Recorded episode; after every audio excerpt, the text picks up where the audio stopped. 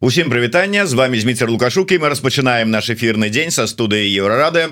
Як звычайна абмярковаем падзею Беларусі і за яе межамі. Ну што ж хай і з невялікім спазненнем але як і абяцалі мы зараз абмяркуем з вами як будуць праходзіць выборы у коаардынацыйную раду. Что праўда адна з наших гостеек пакуль что затрымліваецца але яна далучыцца до да нас цягам нашай размовы. Там Таму пакуль что мы пачынаем з нашу размову с прадстаўніцай моладзевай фракцыі у коаардынацыйнай радзе кіраўніцы рух бота рух большасці Ганнай краўчынка добрый день Ганна. Добрый день Ну і чакаем пакуль до да нас далучыцца віце-спікерка коаардынацыйнай рады лідарка грамадскай суполкі сумленныя людзі Алена жываглот корки ў варшаве. Что зробіш але чакаем спадзяемся что даедзе пакуль нема Алены каб вот вас сутыкнуть і лбами у дыскусіі про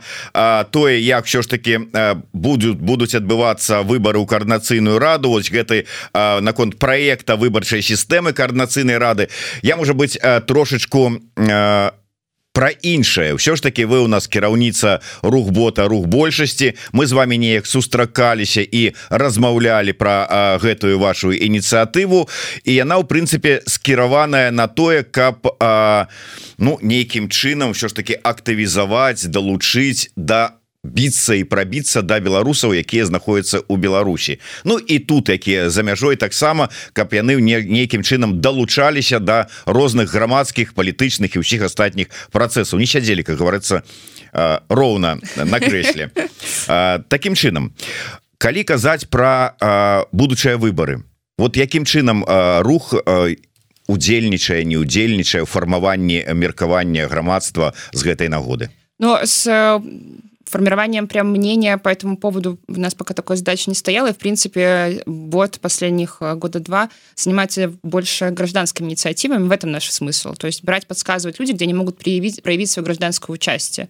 Политического трека у нас как такового было достаточно мало, и он скорее был и не из разряда формирования мысли какой-то политической силы, а активизация. То есть, условно, когда происходили как бы слушания, мы ставили условно в известность, что там происходит, но как бы не давали э, им Э, не, при, не призывали к какому-то э, приобщиться к кому-то из кланов, э, приобщиться к какому-то конкретной политической фигуре и так далее. То есть мы как бы говорили, что это происходит, вы к этому можете присоединиться. Я думаю, что мы будем присоединяться к компании, которая занимается будет выборами в КС, и агитировать людей принимать участие и голосовать. Но предварительно мы понимаем, что это не Э, как любой политический процесс, он сопряжен с большими рисками, поэтому предварительно вот мы на этой неделе закончили марафон по безопасности, то есть мы его проводим раз в год. Когда мы раз в год обновляем наши инструкции по безопасности, человек в удобной форме через бот может э, Э, проходя определенные проверки, то есть проверяя телефон по разным аспектам, проверяя там свои переписки и так далее, сделать телефоны и свое поведение безопаснее в, в плане цифрового следа. Поэтому это провели, и мы будем точно проводить еще перед выборами еще как бы раз и напоминать людям про это. То есть нас заботит скорее сейчас подготовка аудитории вообще к необходимости голосовать. Это минимизация. Э, вельми важное пытание, выбачайте, Ганна, да. что перебиваю. Давайте вот зараз одразу там прорекламуем, не прорекламуем, скируем людей, куды ісці, как вот скарыстаўшыся вашими парадами да. проверить свои телефоны. Да вы просто биваете в э, поиске телеграмма движение большинства там есть бот и канал. Вы можете переходить в канал и в бот. И там вы проходите э, нажимаете старт выбираете язык на котором вы коммуницируете где вы находитесь это Беларусь либо диаспора и проходите в гайд по безопасности и там вам э, будет отправлять сам бот уже автоматические задания. Вы их просто будете про проходить и понимать э, где у вас есть уязвимость он вам на них укажет Ну але тыя проекты якія якімі вы сёння займаецеся может быть у межах вот вашага руху большасці но сейчас это э, мы поддерживаем, как мы уже говорили, трек остается, это блокировки пропагандистских каналов, это поддержка петиций,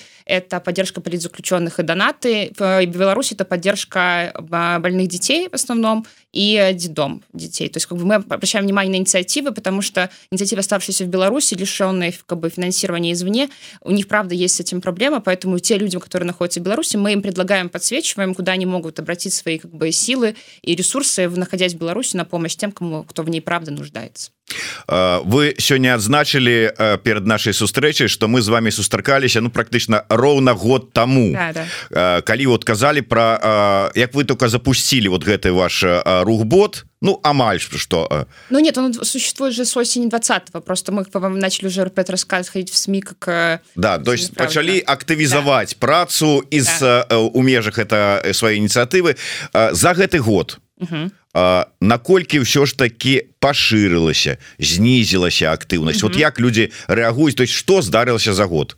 За год к нам присоединилось более тысяч человек то есть теперь нас 23 тысячи участников бота но что случилось за год? В декабре прошлого года наш бот признали экстремистским поэтому мы были заняты примерно месяц рассказывая людям которые находятся в беларуси и кто находится пользователь бота что это означает как им нужно взять и позаботиться как бы о себе и, и понимать эти риски связанные с использованием бота потому что э, при досмотре на границах либо при досмотрах могут проверять, подписаны ли вы на этот бот, и мы занимались тем, что помогали людям либо скрыть историю, а, либо научиться пользоваться ботом так, чтобы это не, не было так видно и заметно при э, проверках. Вот, и за этот год, вот, несмотря на это, к нам присоединилось тысяча человек еще дополнительно. Мы проводили несколько марафонов, тоже разных, и связанных и с музыкой, связанных с поддержкой политзаключенных. Что еще по, по активности? Могу сказать, что да, в Беларуси после, блоки... после признания экстремистами активность упала э, почти в два раза. Мы замеряли. То есть э, люди просто как бы отписались. Мы ввели дополнительно e-mail рассылку, то есть чтобы они могли в случае чего помогать. Но, конечно, это не те цифры, которые были у нас как бы в боте.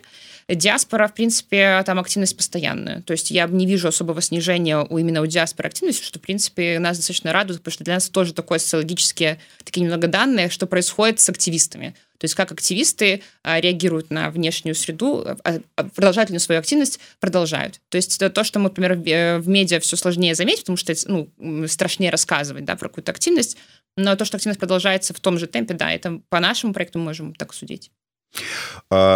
Вы э, не толькі займаеце вот э, тэмай палітвязняў але вот нават пры прынеслі да, свае такія вот стикеры.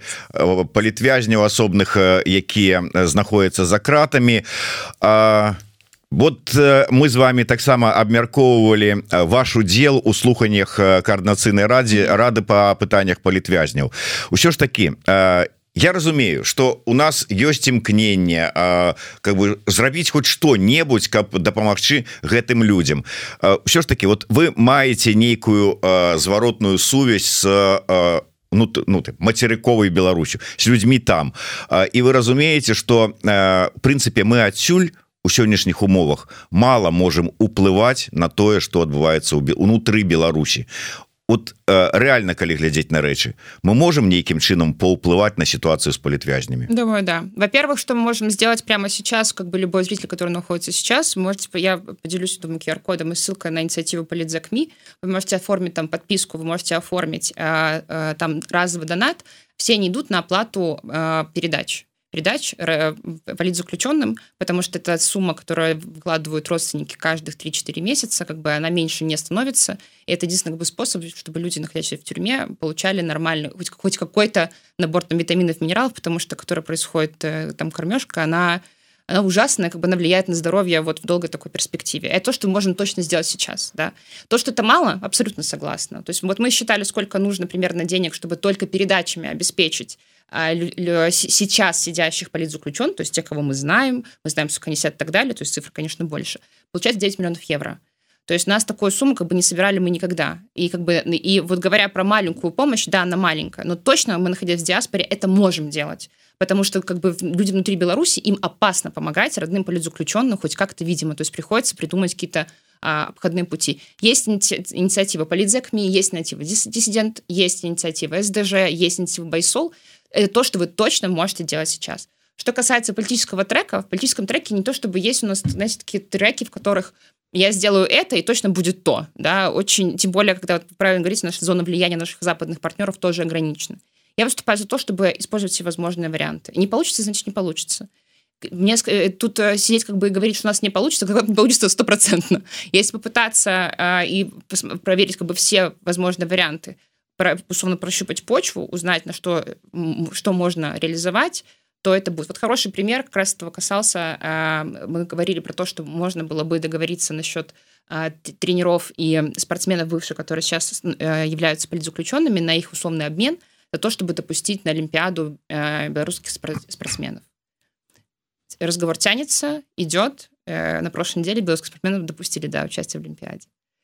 То есть я, э, наши возможности, они небольшие, и они сокращаются. К сожалению, это так, потому что в 2020 год все дальше. И как бы возникает гораздо больше других интересных тем, которых волнуют э, э, западных политиков для набора себе политического рейтинга. Как бы они тоже у нас филантропы э, не просто так. Да? Вот, поэтому моя политика такая: использовать все, что можно. В, если можно помогать э, условно руками, деньгами, делами, и, и, и написывая письма, нужно это делать. Если есть возможность что-то еще в политическом треке, нужно использовать. Все. Ганна Ну может быть каб на дадзены момант закрыць гэтую тэму палітвязняў безумоўна гэта тэма пакуль яны там яна будзе прысутнічаць і мы не зможам і абыходзіць але у межах гэтага эфира Каці, я і вы я думаю чуеце пастаянна ад крытыкаў апозіцыя дэмакратычных сілаў нават таго крыла якое таксама сябе чамусьці лічыць прадстаўнікамі дэмакратычных сілаў але любіць крытыкаваць усіх астатніх. Про тое что ну найперш это конечно тихохановская але потым і ўсе астатнія. За тры гады нічога не не гучыць это так. Яны не вызвалілі за тры гады ніводнага палітвязня. Гэтая крытыка мае под сабой нейкую сапраўды рэальную ну подставу і глебу. Вот могли они зрабілі. Не ну там я не ведаю за якой нагоды. Ці і магчымасці не было. Вот чтоб вот на такую крытыку отказалі потому что у прынцыпе ну безумоўно это найперш на тихохановскую скіравана але і на ўсіх астатніх прадстаўнікоў дэмакратычных сілаў фактычна Что я могу сказать? То, что вот озвучивала Оля Горбунова по цифрам, да, что у нас есть 20 известных кейсов, когда, условно, по политическому треку через а, дипломатов, а, через выкуп, через разговоры и так далее были освобождены люди. Такие кейсы есть. Если они есть, значит, демократические силы могли в них принимать участие. Но когда мы говорим «могли бы», «ничего не сделали» и так далее, это всегда разговор э, ну, про, про конспирологию на самом деле – потому что то мы, мы навряд ли понимаем, вот даже я, находясь там условно близко к демократическому процессу и к политической все, как бы, всему движению, я навряд ли понимаю всего размера ресурсов, который был, и что из него получилось. Потому что нам может казаться, что было, типа, у нас ресурсов всех много, а мы из этого сделали чуть-чуть. А может быть так, что у нас ресурсов не было, и мы совершили чудо. Э, я не думаю, что как бы критика Светланы Тихановской должна быть как Светлана Тихановской. Мы можем говорить, что вот это было сделано неправильно, давайте такого не допускать как, как событие какое-то. Да, то, что нам повезло с Ланой Тихановской, я считаю, я до сих пор держу этого, это факт, это очень упрощает э, институциализацию вообще отношений нас с западными партнерами и нашей диаспоры здесь. То, что существует там, условно, КС, тоже очень упрощает этот вопрос, потому что у нас есть какой-то определенный уже э, зачаток, условно, института, в который ты понимаешь, куда обращаться, да, что есть какие-то уже крупные фонды, которые тоже понимаешь, куда нужно обращаться. С этого года этого было сильно меньше. Поэтому в этом плане как бы, мы усилились, говорить, что могли бы мы больше, но с точки зрения Тони Робинсона всегда могли мы сделать больше. Вообще, и можно было вообще в космос полететь. Ну, но с точки зрения реальности, как бы я бы, я бы, я, я обычно слушаю критику тех, кто условно показал делами. Если ко мне какой-то приходит, говорит, вот смотрите, вы здесь не собрали, потому что вот здесь вот столько, вы здесь совершили ошибку, это вот сюда, я это принимаю. Если мне говорят, вы не собрали, потому что как бы, плохие люди вообще, ну, как бы я сам ничего делать не умею, но вам посоветую, ну, конструктива здесь мало. Как бы я понимаю, э, почему так говорится, потому что всем очень болит, всем очень тяжело. Э, ситуация не улучшается, как бы, и я надежды вижу как бы мало, кроме биологической, да. И, конечно, хочется найти виноватого. Но иногда бывают чаще всего э, обстоятельства, мы их не контролируем, и они влияют на нас больше, чем мы можем повлиять на них. Поэтому я всей критики точно не поддерживаю. Какую-то частично критику я, возможно, поддержать. Я считаю, это нормальный процесс критиковать, но не критиковать персону, критиковать конкретное событие и говорить, где что было сделано не так, чтобы этого потом не допускать. Я это хотела проговаривать. Ну что ж будем спадзявацца что ўсё ж таки не толькі з фізіялагічным момантам будуць звязаныя наши надеі на перамены і на перамогу тому штосьці нечакана надолго затрымліваецца Алена жываглот тому да асноўнай тэмы якую мы у прынцыпе і анансавалі для нашай размовы Ну давядзецца без яе. Так сёння будете вы блістаць у нас в эфиры Ганна вас як прадстаўніцу моладзевай фракцыі наколькі задавальняе той документ які называется проект выбарчай сістэмы по выборах у коаардынацыйную раду на 80 процентов. 20 процентов незадаволенасці так. выклікана якімі пунктамі Я так было... разумею квотамі да квотамі потому что наша фракция... давай чаму фракция выступала за то чтобы это проект который был нашей фракции чтобы у нас были квоты 50 на 50 чем мы это обусловливали тем что э, представители НГО экспертных как бы, сообщества имеют очень важную экспертизу как бы говорили связь с землей гораздо короче, чем э, политики условно. И когда мы берем, отправляем всех на прямые выборы, на прямых выборах голосуют за тех, кого знают.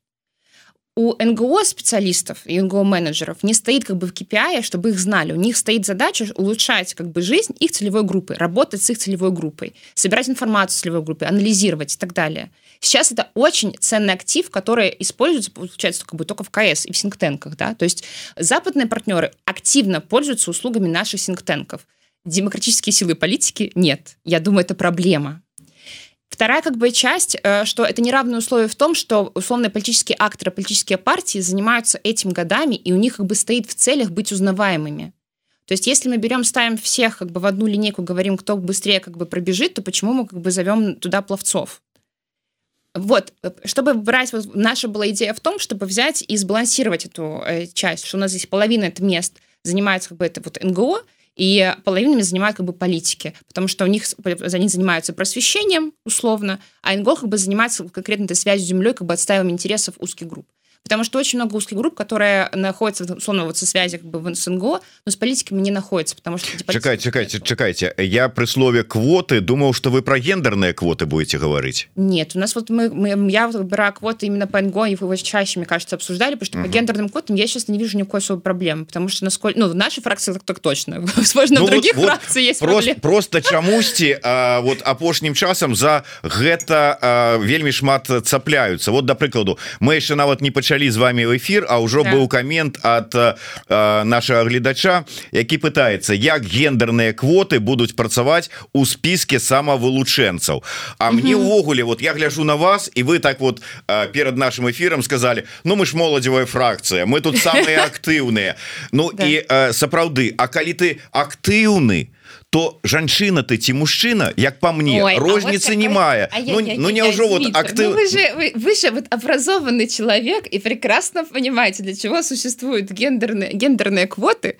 и почему они вообще вводятся. не. они вводятся не потому что мы берем и говорим Ой, то есть мы э, как-то отметаем вариант активности неактивности по полу не про это разговор. Гендерные квоты вводятся потому что у нас сейчас существует огромное гендерное неравенство. И гендерные квоты такие под такие как стыли такие такие подпорки, которые помогают взять и хоть немножко уравнять, уравнять разные группы. Вот и все. То если вы мне будете доказывать, что у нас есть политическая жизнь, гендерное равенство, мы начнем скандал. Слушайте, я не говорю, что у нас есть гендерная ровность. Я говорю про то, что человек, коли он активный, то мне и коли он разумный, мне абсолютно все равно, мужчина это или женщина. не противоречит наличию квот. Вот и все.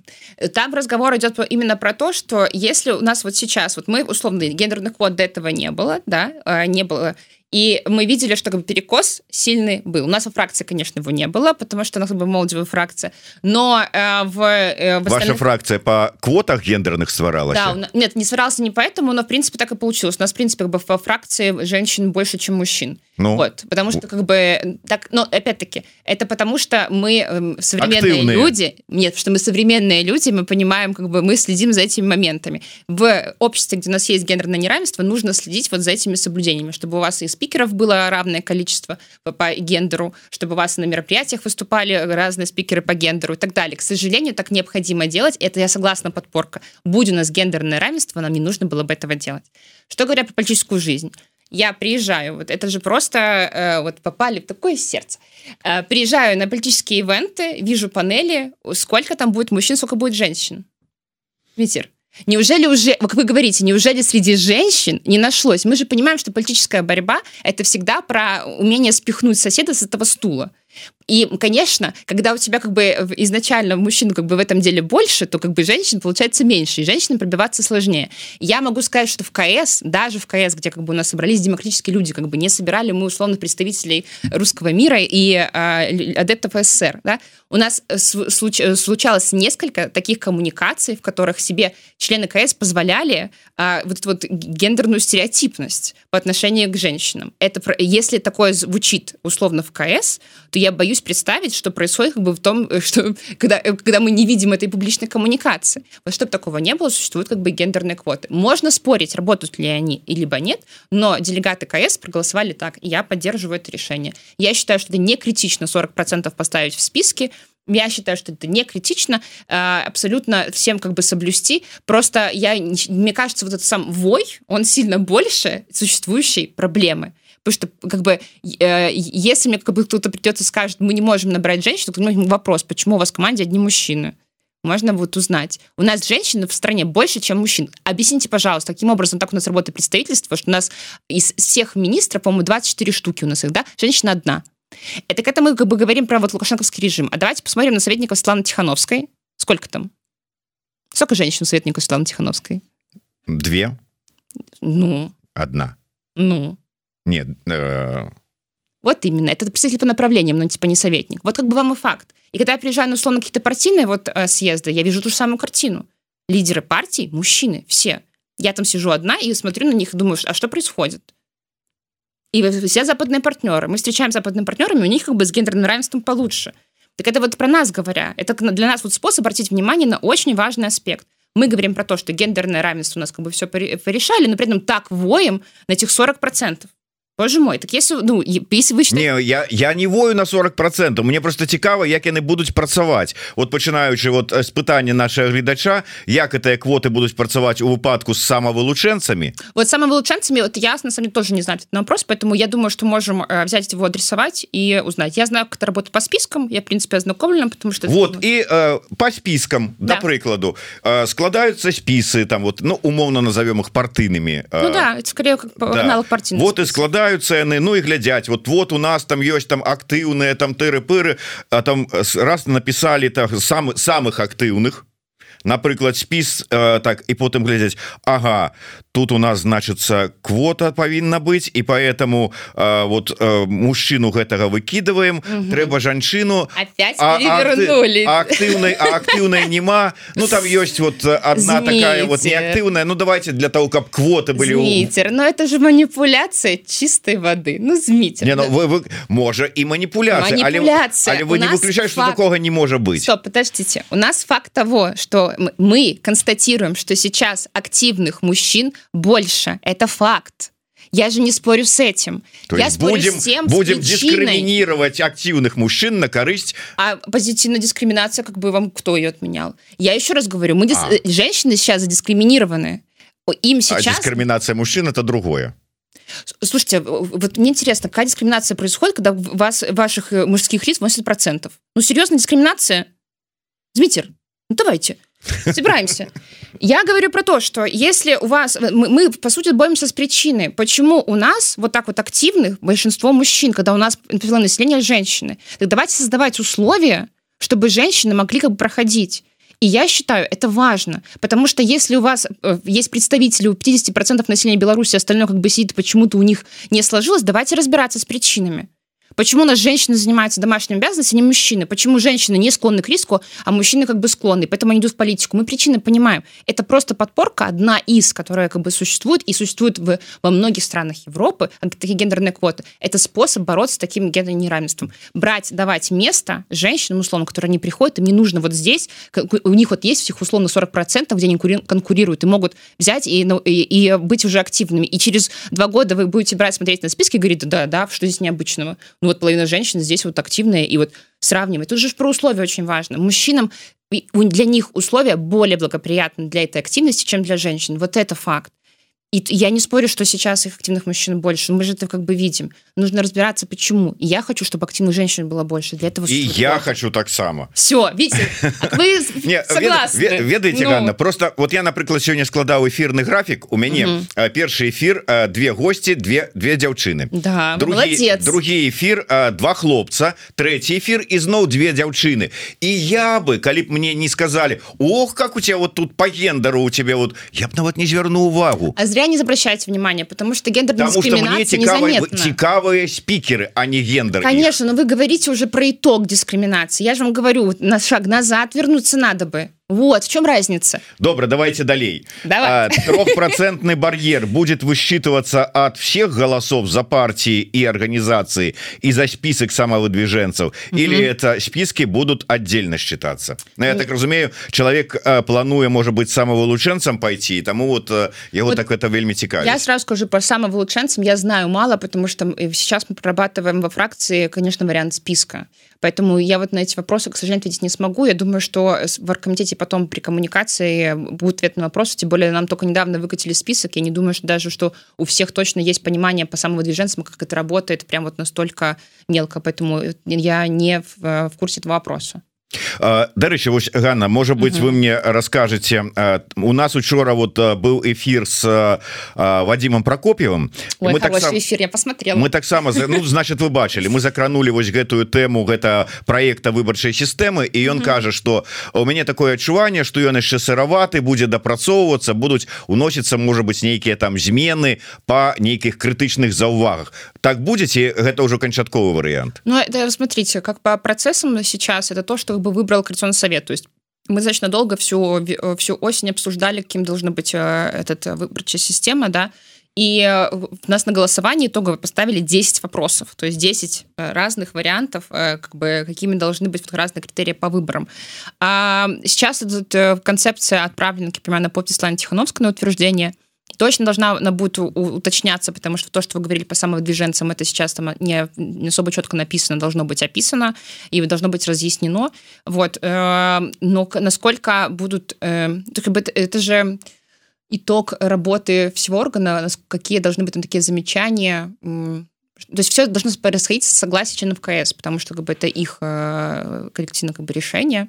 Я думаю, что точно могут быть доработки, это всегда как бы нужно. Если довести до условно члена КС, что это необходимо, и они, я думаю, они могут в момент проголосовать за какое-то изменение, это не, это не сложно. У нас, в принципе, в, а, в КС любых шесть делегатов могут выдвинуть любой вопрос на прямое голосование всех членов КС. То есть найти как бы для у кого-то изменения шесть себе а, адептов, и чтобы они запустили голосование, то я не думаю, что это сложно.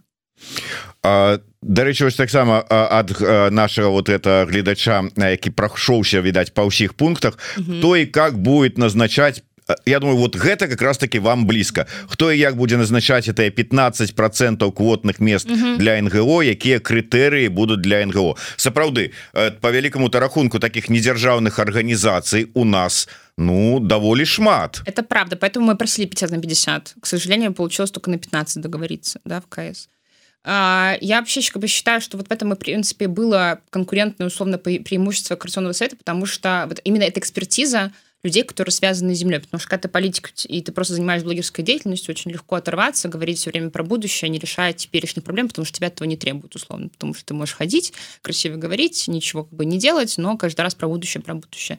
НГО таким как бы заниматься не могут, у них э, другая задача. Поэтому мне я экспертизу э, наш, э, наш представитель НГО очень, очень ценю и очень рада, что у меня появилась такая вообще возможность год с ними в КС координироваться, вместе работать и слушать их э, замечания, комментарии на какие-то там события, как это работает.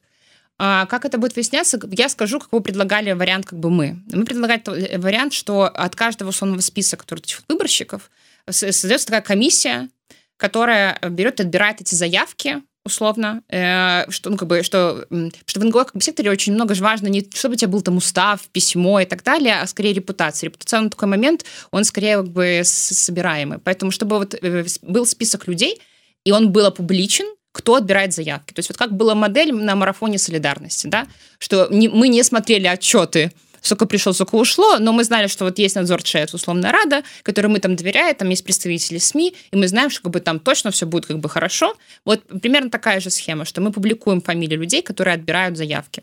Что будет происходить внутри, скажу, что предлагали мы. Мы предлагали взять и сделать условное голосование внутри вот этих отобранных заявок. Что эти люди сами друг другу условно проставят эти вот рейтинги, и таким образом сформируется э, список людей вот на эти места. А, предлагали еще вариант, когда, э, например, за этих людей голосуют те, кого уже выбрали белорусы, да, условно. То есть они берут, выбирают, кто из этих представителей НГО.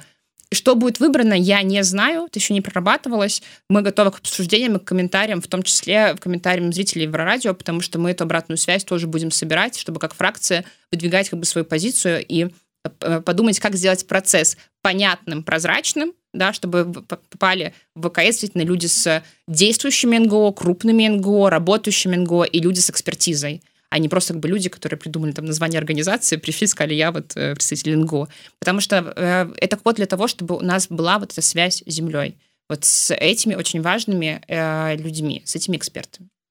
Дарэча ёсць якія-нибудь э, метады сродкі каб э, адсеч тых хто э, прыйдзе і будзе просто сядзець? Ну сэнсе і не удзельнічаць мы ж ведаем зараз э, якая сітуацыя ў карнацыйнай радзе. Колькі там процентаў не удзельнічае ўвогуле ні ў якай працы? Процентаў 20 слушайте я не знаю потому что я что больше вижу свою фракцию как бы я контролирую. У нас так вообще ни одного такого нету. Поэтому я вот прав Но за всем КС не агульную температуру по больнице вы ж ведаете Нет, кстати. Я вижу активность большая все время в чатах, я вижу большая активность на слушаниях, то есть я как бы и активность по голосованиям, то есть кворум все время набирается, поэтому я вот э, даже не могу сказать, с кем вот, я могу сказать, с кем я коммуницирую, например, по рабочим группам и во фракции, да, то есть вот я коммуницирую с большим количеством делегатов КС, я думаю, процентов 50-60, то есть с ними я нахожусь в, в контакте в постоянном, да, точно не со всеми. Ну у любой выпадку скажем процедура Ну я не ведаю там скажем да тых тых хто будзе там ну а, стаў вот ён дэлегатам ці депутатам як тут правильно назвать не ведаю з якіх прычынаў ну дэлегавалі яго. Да. вот а, а ён там і не не удзельнічае ні ў чым. Вот что есть такая процедура да? есть такая процедура что если человек там не приходит на мероприятие не участвует в голосованиях так далее его могут исключить состава КС за неучастие. Такое действительно есть но насколько я понимаю она ни разу не применялась потому что никто так как бы не делал. То есть э, раз до раз в голосование придет как бы примет участие. А, Я думаю, что, может быть, имеет смысл, если у нас будет такая прям высокая конкуренция да, за места в КС, э, и это будет избираться на два года, ужесточить требования. Но я считаю, что если как бы, человек э, принимает участие в голосованиях, как бы этого достаточно его члена КС, потому что он выражает свое мнение, и он и может заниматься как бы, другой совершенно как бы, деятельностью, про которую мы не знаем, и которую просто нельзя публичить. Поэтому как бы выкидывать человека из КС, потому что вот он не приходит на все заседания, я вот не очень. Мне кажется, это какая-то уже палочная система немножко. Не можа такога быць на за, на завяршаючы можна сказать аккорде нашага эфира до да нас нарэшце далучылася Алена жываглот віце-спікерка Ну у лепшых традыцыях мирового палітыкума да? Такое бывает можно сказать что я из США через Брюссель сразу к вам и перерасчитала силы и способности таксистов варшавских доставлять в нужную точку. Добра Алена тады можа быть да вас як да віце-спікера. Тое пыта Дякую Богу вы не, не чулі что адказвала Ганна на гэта пытанне. Таму да вас пытанне. Вы як віце-спікерка задаволеныя тым тым дакументам под назвай под назвай проект выбарчай сістэмы по выборах у карда карнацыйную раду ці не? І на колькі процентаў Э, не документом, а теми решениями, которые приняли мы, Координационный совет, большинством голосов, общим заседанием недовольно категорически. Э, я считаю, что это ошибка таким образом подходить к выборам в Координационный совет. Э, на мой взгляд, это может быть переломным моментом для будущего Координационного совета. Я лично ставлю под вопрос э, свое участие э, в Координационном совете при такой э, избирательной системе. Э, первый пункт это то, что не Координационный совет, на мой взгляд, должен принимать решение о том, как пройдут выборы в Координационный совет. Поэтому последние три месяца я активно занималась тем, чтобы убедить членов Координационного совета, что нам нужен оргкомитет, куда зайдут не только члены Координационного совета, потому что мне кажется нонсенсом тот факт, что сам Координационный совет, текущий его состав, принимает решение о том, какая избирательная система или какие квоты в организационном комитете, который мог бы принимать решения по избирательной системе. Второй момент — это сложность избирательной системы. Работая на территории по теме выборов и объясняя с организацией «Честные люди» лукашенковские выборы, мне кажется, что мы имеем все шансы создать такой контраст по сложности системы, что люди не захотят разбираться с этой системой. Иметь три голоса у избирателя — это сложно действительно объяснить. Кажется, что мы э, пытаемся сделать максимально непрозрачно. Можно я пераб'ю просто вот акурат таки на гэтую тэму ёсць ну каментар пытання ад гледача под нікам вожык патрыот які піша хто прыдумаў такую заблытаную сістэму выбораў УКР выглядае так что зрабілі ўсё каб яўка была мінімальнай А, да, действительно, мне кажется, что это именно так и выглядит. Я понимаю, что из э, каких-то собственных э, мотивов а, каждый голосовал и принимал решения, подстраховываясь или стараясь обеспечить качественно хороший состав Координационного совета. Но решение принято таким образом, что у нас есть и три типа кандидатов. Это и списки избирательных субъектов, куда могут и НГО входить, и политики. Это и самовыдвиженцы есть. А еще плюс мы хотим сохранить квоту что, наверное, самым обескураживающим для меня является, сейчас я говорю об этом прямо, у нас внутри Координационного совета уже... Про гендерную квоту говорите, сподеюсь. Нет, про квоту для НГО, для некоммерческих организаций, несмотря на то, что я делегатка к некоммерческой организации, от э, а, не политического субъекта, от честных людей была. Я считаю, что это плохо, это выглядит как раз так, что мы, текущий состав Координационного совета, пытаемся сохранить для себя места в будущем составе Координационного совета. А, и это сложно. То есть у нас есть и разные типы кандидатов, представляете, и еще три голоса. А, еще есть а, и нюансы, там не такие важные, но количественный состав, мне кажется, это тоже слишком много. Текущий состав Координационного совета, на мой взгляд, демонстрирует то, что так много людей это не нужно а, сегодня Координационному совету и будущему году, будущему созыву. Вот, поэтому те решения, которые принял сегодня Координационный совет, я их не поддерживаю, но я не могу им не подчиняться, потому что я вице-спикерка, я живу и действую по статуту Координационного совета. Это решение большинства э, общего заседания Координационного совета, э, к моему сожалению. Я думаю, что есть шансы эти решения изменить. Важно то, что будучи активно в этом процессе, в обсуждениях, я была уверена, что это консультативное голосование. А, так а, обстоял диалог, вообще беседа, что это не финальное решение. Но по факту мы узнали из медиа, а, будучи в штатах на стратегическом диалоге что это решение координационного совета. Кто так кто так хитка хитро закрутил вот с тым что нават сябры координацыйна с рады віце-спікер координацыйной рады не ведали что вот так вот идзе процесс? Гэта Смотрите, подождите тут очень важно как бы штука. Лена говорит про свой личный опыт. Ну как бы я абсолютно вот тоже делегация совета прекрасно было написано что это мы выбираем себе систему. Я про консультацию там такого слова ни разу не звучало Поэтому, например, для меня это, вот эта часть будет удивительна. Мне это кажется, в рабочей группе? Конспирологически нет, я в рабочей группе не нахожусь. То есть, вот опять-таки, то есть, вот Елена еще в рабочей группе находилась. Поэтому угу. вопрос, как бы, что все, то, что выносилось на голосование, и то, что было подано как бы, э, для выбора членам э, КС, ну, как бы, и там про консультацию, что это консультационное голосование не было. У нас были консультационные голосования до этого, год назад, с кейсом Павла Тушкова, там это все прописывалось, мы это знали что mm-hmm. не про выключение. Поэтому, мне кажется, вот, ну, начинается конспирология про то, кто специально так сделал, чтобы да, Лена ну, вот Я только что подошел до вот такого самого цікавого момента нашего эфира и хотел вылечить, кто это а, Кравцов, Егоров вот за этим стоит, а вы вот обломали. Американцы. Ну, так ясно, Кравцов, ну, так ясно, да. Э, ну, во-первых, сейчас следом идет э, обсуждение об оргкомитете, и было создано и проголосовано решение оргкомитета, и компетенции оргкомитета были обозначены. А, соответственно, когда мы меняем э, решение, то можно тоже ставить под вопрос, как принимается решение об оргкомитете и голосование Координационного совета. То есть что происходит с голосованием, решением Координационного совета, если далее оргкомитет с такими компетенциями? Ну, компетенция, там, оргкомитет как раз-таки консультационный, это прописано в документе. Ну, Окей, было уже одно было голосование.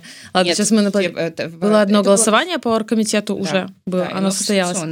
А, итого про то, как происходит э, или голосуется, голосуется общим заседанием. А почему так голосуется? А, думаю, что кто-то верит в то, что это оптимальная избирательная система, кто-то, возможно, не погружается до конца в вопрос и не оценивает это как, как звучит, как выглядит, насколько это удобно и легко воспринимается белорусами, э, просто не доинвестируют время. Э, думаю, что разная мотивация здесь может быть. Э, ну, тут подчиняться решениям нужно органы и структуры, мнение можно иметь свое. Я думаю, что за ну, больше, чем два месяца, на самом деле, у нас идут дискуссии, дебаты, активное обсуждение. Э, к сожалению, вот мне не удалось убедить э, в том, что это не оптимальный подход. Вот бачите э, у Ганны таксама ёсць прэтэнзіі да пытання квот нормы квотаў по НДА але у яе наадварот вы супраць ввогуле гэтых квот А яна кажа что 15 процентов это мало і трэба 50 як мінімум Да, mm-hmm. но делегаты КС не согласились на это решение, поэтому я сказала, что я недовольна. Mm-hmm. Не, ну вы кажется... недовольны, але вы ввогуле за то, как такие квоты были все таки. Чем я, отличается сегодня в условиях политических, в контексте Беларуси, политики от НГО? Тем, что в политиков инвестировалось в их медиа узнаваемость по несколько лет, как минимум последних три, а в НГО нет. Вот и все.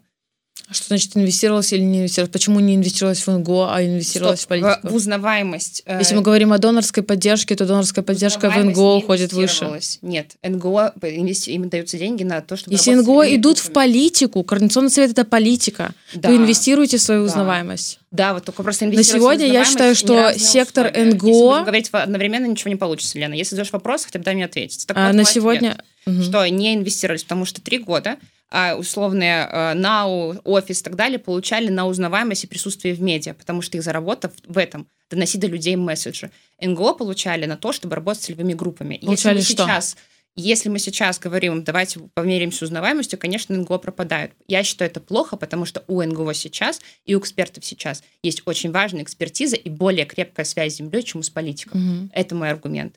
И то, что не иду в политику, я согласна. Если бы у нас вот были, говоря условно, равные условия, когда у тебя представители НГО ходят, появляются в медиа, в инфопоинте, одинаковое количество времени, сколько появляется, к примеру, Павела Тушка и Франок, и у них есть такие же медиакоманды, им также легко выбивать на то, чтобы условно их лидер их организации становился публичным, я бы не спорила. Но из того, что условия равны, поэтому я считаю про то, что квота должна быть. Вот это все. Я за то, чтобы качественный состав Картон Совета состоял не из популярных людей, а из людей, которые коммуницируют с белорусами. Mm-hmm. И у нас представленность разных групп была лучше. НГО — это те, люди, которые коммуницируют с людьми на земле больше. И с активистами, условно, я коммуницирую чуть больше, чем многие политики. Угу. У меня те же самые аргументы, только они не работают на квоты. Я считаю, что НГО-сектор сегодня мощнее, чем политический сектор, а профессиональнее, чем политики экспертнее, чем политики, только потому что это люди с опытом работы в своем секторе, и они понимают эм, долгосрочную стратегию и свои цели э, зачастую лучше, чем политики. Говоря о политиках, это шире, чем Павел Тушка, Светлана Тихановская и Бабарика. Э, конкурировать с рейтингами этих политиков ну, никто не может сегодня в Беларуси, э, в белорусском политическом поле. Э, верю я в НГО больше, чем те, которые хотят сохранить квоты? Наверное, да, потому что я тоже из НГО. Э, и я убеждена, что те люди, которые сегодня в некоммерческих организациях в НГО секторе, э, если они решают прийти в Координационный совет и хотят сделать кампанию, у них это получится не меньше, не хуже, чем у политических партий, чем у политиков. Это первое. Второе, если мы преследуем цель сделать эти выборы прозрачными для белорусов, а, снять вопросы о том, а, как из первого созыва во второй перешли люди, из второго в третий перейдут, а, то мне кажется, это важный момент перезапустить Координационный совет таким образом, чтобы ни у кого не было сохраненных мест. Если мы сохраняем квоты, то, скорее всего... Те же... Э, Елена, я, тут мы я сейчас уже договорю. обсуждали, что Если мы сохраняем... места... Я сейчас договорю. Если мы оставляем квоты, то вероятность того, что это будут те же самые люди, очень высокая, потому что э, ну, из своих организаций, если это делегат... Хорошо... Те же самые люди сейчас на 100 как может быть 15% из 100? Окей, okay, у тебя 18 человек останутся теми же самыми людьми. самые те же самые? Нас сейчас 100 кто те же самые люди останутся? Повторные лица. Какие повторные От честных лица? людей делегировать, если будут, будут делегировать Лену Живоглот. Не делегируй, иди, пожалуйста, в списке тебе не Поэтому мне кажется, что когда мы говорим о простоте и удобстве для белорусов, понятности системы, когда мы э, не говорим о том, чтобы продемонстрировать НГО-сектору свою силу, мощь, а, и о том, что можем обеспечить а, облегченными или лучшими условиями, а, то чем проще система, прямые выборы, а, тем это понятнее, а, честнее, на мой взгляд, сейчас. Ну и потому что компетентных и грамотных экспертов, публичных персон, либо нет, в НГО довольно много, раз. Второе, можно объединяться, коллаборироваться и договариваться. Это то, чего тоже не хватает, мне кажется, сегодня в Демсилах, чтобы люди сотрудничали, объединялись в избирательные субъекты, которые избирательная система предполагает, что это могут быть микс и НГО, и политики, или только НГО, или только политики, а, это не запрещено. Вот. Поэтому, если коротко, то мне кажется, что это а сложно, а, б не отвечает а, то, как я слышу, запросам сегодня политиков, кто не вошел в Координационный совет, а, не отвечает а, запросам на прозрачность со стороны общества, провоцирует дополнительные претензии, на мой взгляд. Провести выборы — это не самоцель набрать людей. На мой взгляд, сегодня Координационный совет — это школа демократических институтов и механизмов в том числе, и если мы э, проводим эти выборы, то важно до того, как начинаются кандидатские программы, потратить время на то, чтобы пояснить белорусам, э, зачем Координационный совет. Мой ответ короткий. Координационный совет либо э, станет той площадкой, тем механизмом в руках граждан, через который они будут влиять на политику Демсил, на политику, э, на стратегию э, демократических политиков, либо нет. А, чтобы показать эту связку, а, нужно понимать, как мой голос конвертируется дальше в результат, мой избирателя. Когда у нас аж три голоса, аж три типа э, кандидатов, ну, избирательных субъектов, да, списки в самовыдвиженцы, э, то это становится сложным. Вот. Добра давайте я так разумею что вы не поспели дадыскутаваць у межах коорднацыйнай рады э, падэбатаваць Да. Я так думаю что мы можа быть э, сапраўды процягнем вот гэтую э, спрэчку дэбаты але ў іншым фарматы можа быть мы такое на программу дэбата у вас запросім пропішем конкретные темы дзе вы не супадаете сваімі поглядами как вы там ну нормально падэбатавалі показали вот всем этим мужикам как трэба нормально дэбатаваць я просто удакладняю я уже спытаўся вось у Ганны она кажа что Мачыма что пэўныя змены у гэты гэты проект еще будуць унесены. Будуць унесены ці не? Вот як вы бачыце? Так решит большинство координационного совета. Если вносить изменения то уже путем голосования общим заседанием координационного совета. Вот таким образом. То есть мы должны оспорить это решение поставить на голосование опять. Если на сегодня предпосылки на мой взгляд через без каких-то ну, радикальных несогласий. Мне кажется, что нет предпосылок. То есть члены Координационного совета проголосовали, так решили. добра на жаль трэба завершаць нашу размову тому Алена нягледзячы на тое что вы спазніліся мне просто цікава на мінулых выбарчых кампаніях сумленныя люди адзначы ім потым шмат выказывалі там папрокаў у ты у той той прапанове якую яны агучылі як дзейнічаць людзям унутры Беларусі на тых выборах папярэдніх парламенцкіх здаецца да? Зараз ваша прапанова на гэтую дзень один дзень галасавання якія лукашысты там у сябе там плануюць правесці. Что тут удумалі учудзіць парламенцких не было еще в портфолио э, честных людей. Мы с 20 -го года начали работу. Было две избирательных кампании президентский и референдум. Да ну референдум да. Сейчас мы э, предлагаем предлагаем действовать в рамках стратегии этим сил. Мне кажется, она э, консенсусная. Мы не признаем выборы, считаем, что это фейк, имитация, обман. Э, раз. Э, второе, в механике действий мы расходимся. Мы предлагаем активный бойкот расходимся с частью субъектов. Активный бойкот — это равно прийти и поставить против всех на участках для голосования. А, думаю, что эти так называемые выборы — это наша возможность эм, побороться с госпропагандой, а, которая обрушивается на белорусов внутри э, Беларуси, э, наша возможность э, не позволить тем, кто, возможно, был активно в повестке, а, но отключается, Э, принимать за норму происходящее, а наша возможность расширить свои ряды э, той молодежи, которая не была на участке для голосования в 2018 году, в 2020 году, кому не было 18 лет. А, вот, поэтому для меня эти так называемые выборы для организации «Честные люди» это э, компания по работе с белорусами в Беларуси, исходя скромно из того, что не всем очевидно, что означает политический лозунг, а, это все фейки и имитация. А, с, за умы и сердца белорусов стоит побороться. Только для того, чтобы э, не э, позволить принимать э, за норму, не позволить Лукашенко стимулировать дальше апатию, неинтерес, поэтому мы говорим про активный бойкот.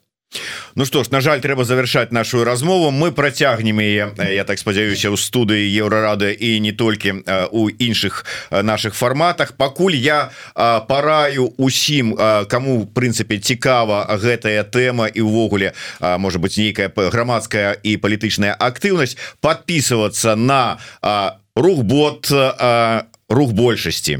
Подписываться на э, суполку э, сумленные люди подписываться на телеграм-канал э, коорднацыйной рады не забывать про YouTube канал еврорады но адзінае что рабіце усе безумоўна э, такую улічвайте тое что э, усе пералічаныя э, медиа структуры боты яны прызнаныя лукашэнкаўцамі экстрэміскімі альбо там матэрыяламі альбо там фармаваннямі альбо яшчэ невядома якой трасцай. Глупства безумоўна але гэта небяспечна для тых хто знаходіцца у Беларусі.